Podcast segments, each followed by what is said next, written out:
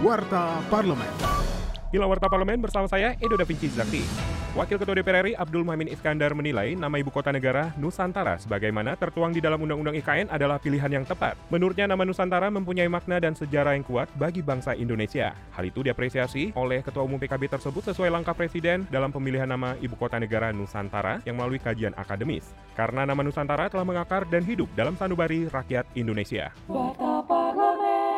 Ketua DPR RI Puan Maharani mengungkapkan Indonesia menjadi tuan rumah sidang parlemen sedunia atau Interparliamentary Union atau IPU ke-144 pada tanggal 20 hingga 24 Maret 2022 mendatang di Nusa Dua, Bali. Puan menilai sidang umum IPU ini sangat strategis, di antaranya dapat meningkatkan kerjasama antar parlemen dalam membangkitkan perekonomian global.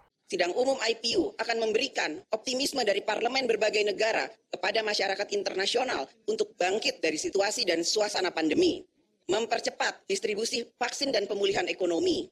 Pertemuan sidang umum IPU 2022 dapat menjadi wadah untuk meningkatkan kerjasama antar parlemen untuk berbagi pengetahuan dan pengalaman dalam mengatasi pandemi COVID-19.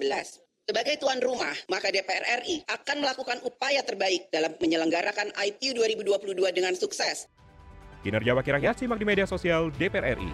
Anggota Komisi 8 DPR RI Asli Haidir meminta Badan Nasional Penanggulangan Bencana atau BNPB segera menyetujui dan memberikan izin penggunaan asrama haji khususnya di Jakarta menjadi tempat karantina alternatif bagi jemaah umroh sepulang ke tanah air. Menurut legislator fraksi PAN itu, para jemaah yang pulang nantinya sebaiknya melakukan karantina di asrama haji yang sudah ditentukan. Jangan sampai ada penumpukan di bandara bergabung dengan penumpang lain.